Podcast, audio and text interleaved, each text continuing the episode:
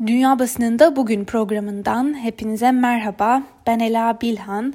Bugün 16 Ekim Cuma ve haftanın son gününde de dünya basınında öne çıkan haber ve yorumları aktarmak üzere bir kez daha sizlerleyiz. Bültenimize Amerikan seçimlerine az bir süre kalmışken özellikle Amerikan basınının en önemli gündem maddelerini göz atarak başlayalım.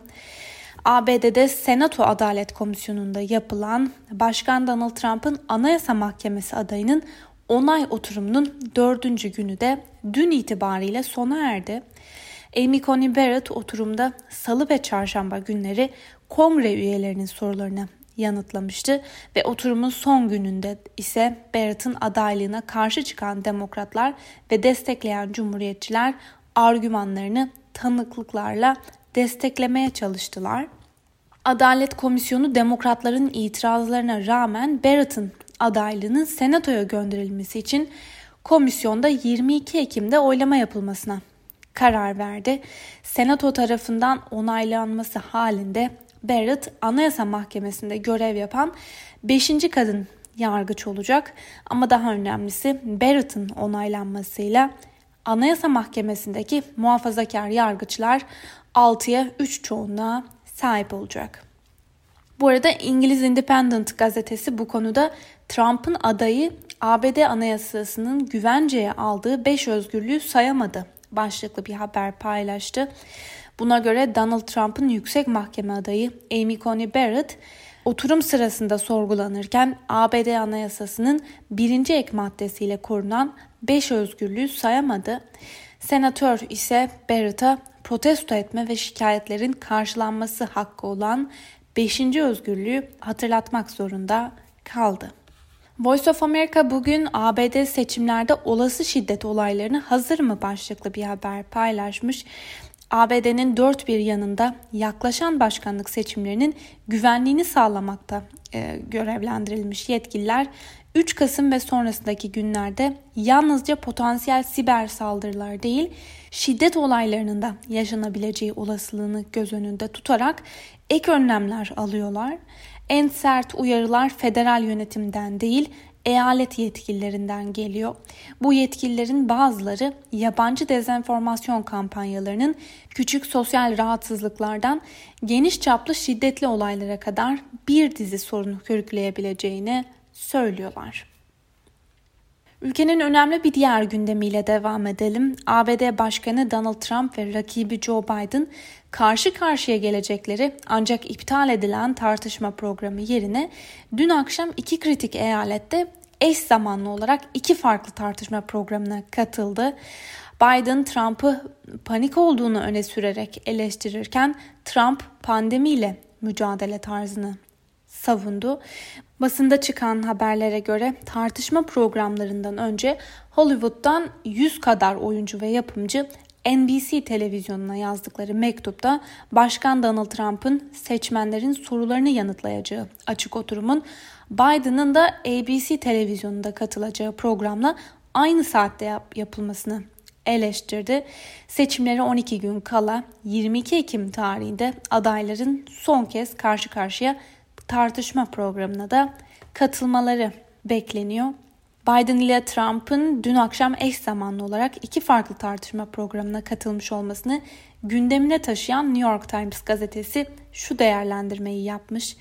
Seçimlerin belirleyici faktörlerinden biri olan salgın konusu tartışılırken başkan adayları yalnızca ayrı stüdyolarda gibi değil farklı evrenlerde gibi yaşıyor gözüküyorlardı. Washington Post'a göre iki başkan adayı kozlarını uzak mesafeden paylaştı. Ayrı televizyon kanallarından yayınlanan programlar aslında canlı yayında Trump'ın ve Biden'ın bir araya gelip tartışacağı programın yerini almış oldu. Daha önemlisi programlar iki aday arasındaki farklı, farklılıkları çok net bir şekilde ortaya koydu. Gazetenin bir diğer analizini de sizlere aktaralım. ABD Başkanı Donald Trump NBC canlı yayınında seçmenlerin iç politika ile ilgili sorularını yanıtlarken beyaz ırkçılığa karşı olduğunu söylerken aşırı sağcı komplo teorileri hareketi QAnon'ı doğrudan kınamayı reddetti. Trump bu grupla ilgili hiçbir şey bilmediğini vurguladı ve Washington Post'a göre Başkan Trump yanlış bilgi, koronavirüs ve QAnon ile ilgili bildiğimiz tuzaklara düşerken Joe Biden ise özellikle de yüksek mahkemede yaşanan süreç konusundaki tutumu ile ilgili biraz daha netlik sağladı. New York Times'ın aktardığı bir diğer haberle devam edelim. Vaka sayıları yeni bir rekora, e, rekor kırarak ABD'de 8 milyonu aştı. Öbür taraftan günlük vaka sayısı da 3. zirveye doğru ilerliyor. Ülke çapında 17 eyalette vaka sayılarında endişe verici dalgalanmalar yaşanırken bunun benzerinin daha önce yaşanmadığı da belirtiliyor. Yine Amerikan basınında karşımıza çıkan bir haberle devam edelim. Facebook ve Twitter, New York Post gazetesinin Demokrat Başkan adayı Joe Biden hakkındaki tartışmalı ve doğrulanmamış haberin yayılmasını sınırlamak için adımlar attı ve böylece haberin link ve fotoğraflarının paylaşılmasını önledi. Muhafazakarlar bu hamleye sert tepki gösterdiler. Ancak haberin içindeki bilgilerin Joe Biden'ın oğlu Hunter Biden'ın Delaware'deki bir tamirciye bıraktığı bilgisayardan edinildiği belirtiyor ve Twitter'ın kurallarında bilgisayar korsanlığı yoluyla elde edilen belgelerin paylaşılmasının yasak olduğu belirtiliyor. Bu arada Başkan Donald Trump, Cumhuriyetçi Parti'nin seçim kampanyası hesabını geçici askıya alan Twitter'ı eleştirirken onlar Demokrat Parti'nin ve radikal sol hareketin üçüncü kolu gibi çalışıyor değerlendirmesini yaptı. İngiliz basınından BBC'nin de bu konuda aktardığı bir habere kısaca göz atalım. Son yapılan anketler demokratların adayı Joe Biden'ı Donald Trump karşısında ciddi bir farkla önde gösteriyor. Bu hem ulusal çapta hem de kilit önemdeki eyaletlerde bu şekilde ancak 4 yıl önce Hillary Clinton'a da yüksek oranlarda seçim zaferi şansı tanınıyordu. Ancak o gecenin sonunu herkes hatırlıyor. Tarih peki tarih yeni bir Trump zaferiyle tekerrür edebilir mi? 2020 seçimlerine 2 hafta kala şiddetli bir siyasi deprem Trump'ı zafere taşımaya yetebilir BBC'nin aktardığına göre. Şu ana kadar büyük manşet haberler Trump için iyi haberler değildi. Ödediği vergiler ve Covid-19 nedeniyle hastaneye kaldırılması gibi haberler Trump için iyi olmadı. New York Post gazetesinde yer alan ve başkan adayı Joe Biden'ın oğlu Hunter için Ukraynalı bir gaz şirketine lobi yaptığı yönünde bir elektronik posta barındıran gizemli bir bilgisayar haberi bazı cumhuriyetçiler tarafından siyasi deprem olarak lanse edildi. Ancak kaynağı şüpheli bu iddianın detay da içermiyor olması nedeniyle çok sayıda seçmenin fikrini değiştirmesi olası görünmüyor. Buna karşılık Trump daha fazlası olduğunu iddia ediyor. Eğer gerçekten öyleyse başkan yardımcılığı yaptığı dönemde Biden'ın hatalı davranışlarda bulunduğuna ilişkin açık deliller ortaya çıkarsa tablo değişebilir. Peki İngiltere'de neler konuşuluyor? The Guardian gazetesinin bugün ilk sayfasına taşıdığı habere göre hükümetin virüsle mücadeledeki temel politikası İngiltere'nin kuzeybatısındaki belediye başkanlarının ve milletvekillerinin reddetmesinin ardından bir kaosa dönüştü.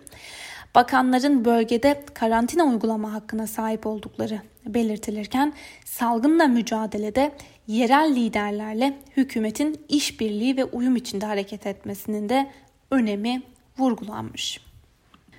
The Telegraph'ın da gündemine oturan bu son tartışmalar ve gelişmeleri gazete şöyle değerlendiriyor. İşçi Partisi, bilim insanları ve ulusal sağlık sisteminden gelen baskılarla Başbakan Boris Johnson ulusal çapta uygulanacak bir karantina kararı almaya itiliyor.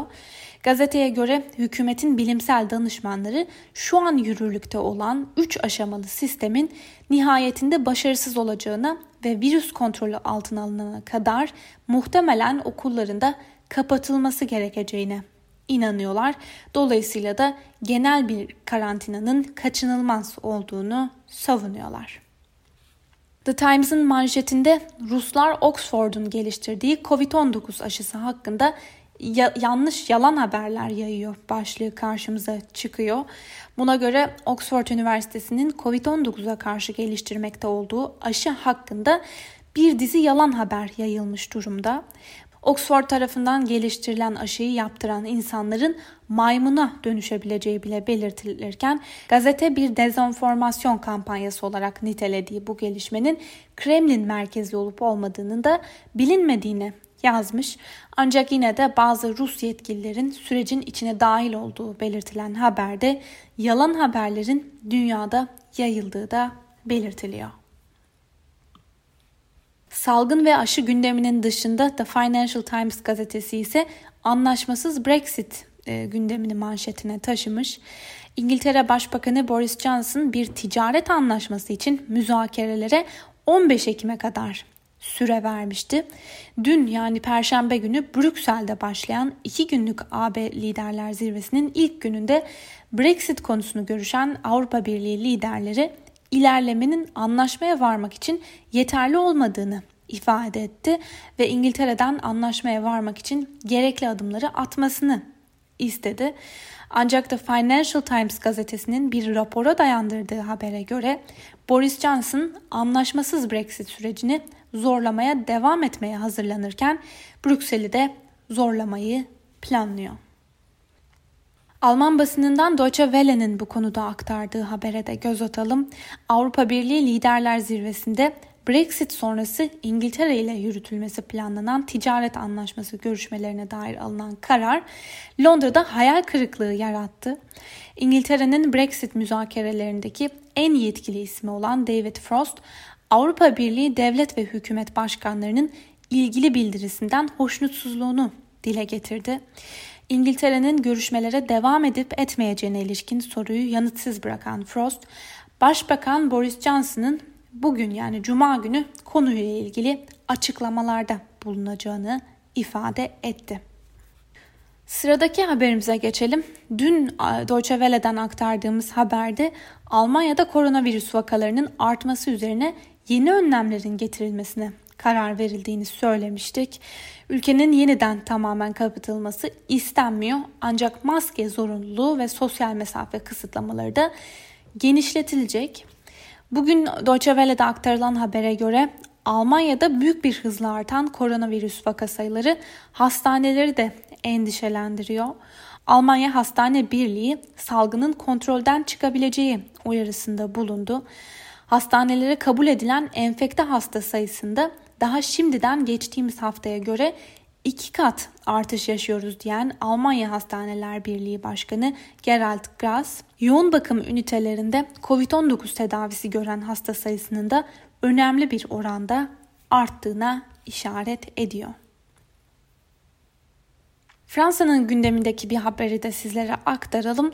Fransa'da hükümetin Covid-19 krizi yönetimiyle ilgili açılan bir soruşturma kapsamında Sağlık Bakanı ve Kamu Sağlığı Genel Müdürü'nün ofis ve evlerinde arama yapıldı.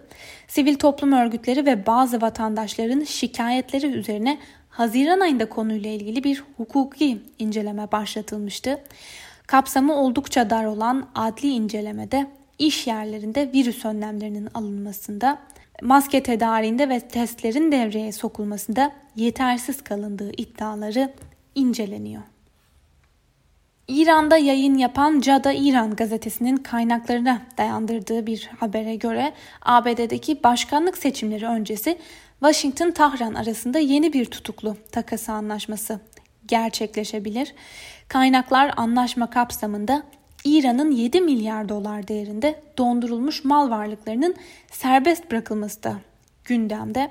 İran merkezli gazetede anlaşma öncesi Trump'ın İran'la anlaşmanın yakın olduğuna yönelik açıklaması da hatırlatıldı ve haberde İran'ın ABD başkanlık seçimleri konusunda fikir ayrılığına düşeceğini, Tahran'ın Biden yönetimiyle müzakerelerde rahat olacağı, Trump'ın seçim yenilgisinin neden olacağı utancın tadını çıkaracağı ifadeleri de yer aldı.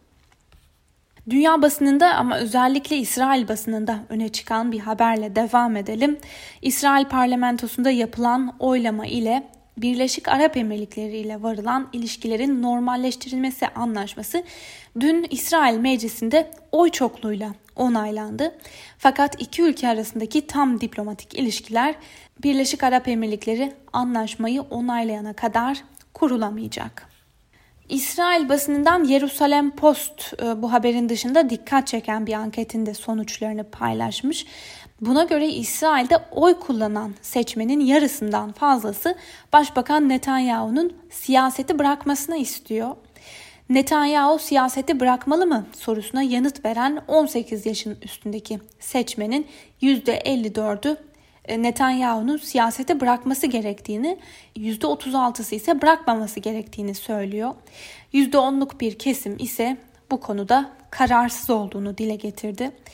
Daha dikkat çeken bir ayrıntı ise önceki seçimlerde yani Mart ayında Netanyahu'nun liderliğini yaptığı Likud Partisi'ne oy vermiş olan seçmenin %28'inin de başbakanın istifa etmesini talep ediyor oluşu. Yine dünya basınında aktarılan ve bugün Moscow Times'ın da gündemine taşıdığı bir habere göz atalım. Kırgızistan genel seçimlerinin yapıldığı 4 Ekim'den bu yana çalkantı içindeydi. Muhalefet Ceenbekov e, yandaşlarının seçimin galibi ilan edilmesini reddetmişti. Yetkililer muhalif kanadın destekçileri sokaklara döküldükten ve hükümet binalarını ele geçirdikten sonra oylamanın geçersiz olduğunu ilan etmişti. Cem Beko ise geçen hafta istifa edeceğini açıklamış ancak bu hafta yaptığı açıklamada yeni seçimler yapılıncaya kadar görevde kalacağını belirtmişti. Şimdi son olarak Cem Beko güvenlik güçleriyle istifasını talep eden protestocular arasında çatışma çıkmasını önlemek istediği için istifa kararı aldığını söyledi. Anayasaya göre Kırgız Başbakanı Sadir Chaparov kendisinin aday olamayacağı bir başkanlık seçiminin 3 ay içinde düzenlenmesinden sorumlu. Ve son olarak Moscow Times'tan bir haber daha aktaralım. Tüm dünyada olduğu gibi benzer bir şekilde Rusya'da da artan vaka sayıları karşısında hükümet bazı önlemler almaya başladı. Son olarak alınan karara göre özellikle başkent Moskova'da barlarda online bir check-in sistemi aktive edildi. Buna göre bara giren kişiler bu online sisteme kişisel bilgilerini girmek zorundalar. Sevgili Özgürüz Radyo dinleyicileri, Moscow Times'tan aktardığımız bu haberle birlikte bugünkü programımızın da sonuna geldik. Haftaya pazartesi günü aynı saatte görüşmek dileğiyle sizlere şimdiden iyi hafta sonları dileyelim. Hoşçakalın.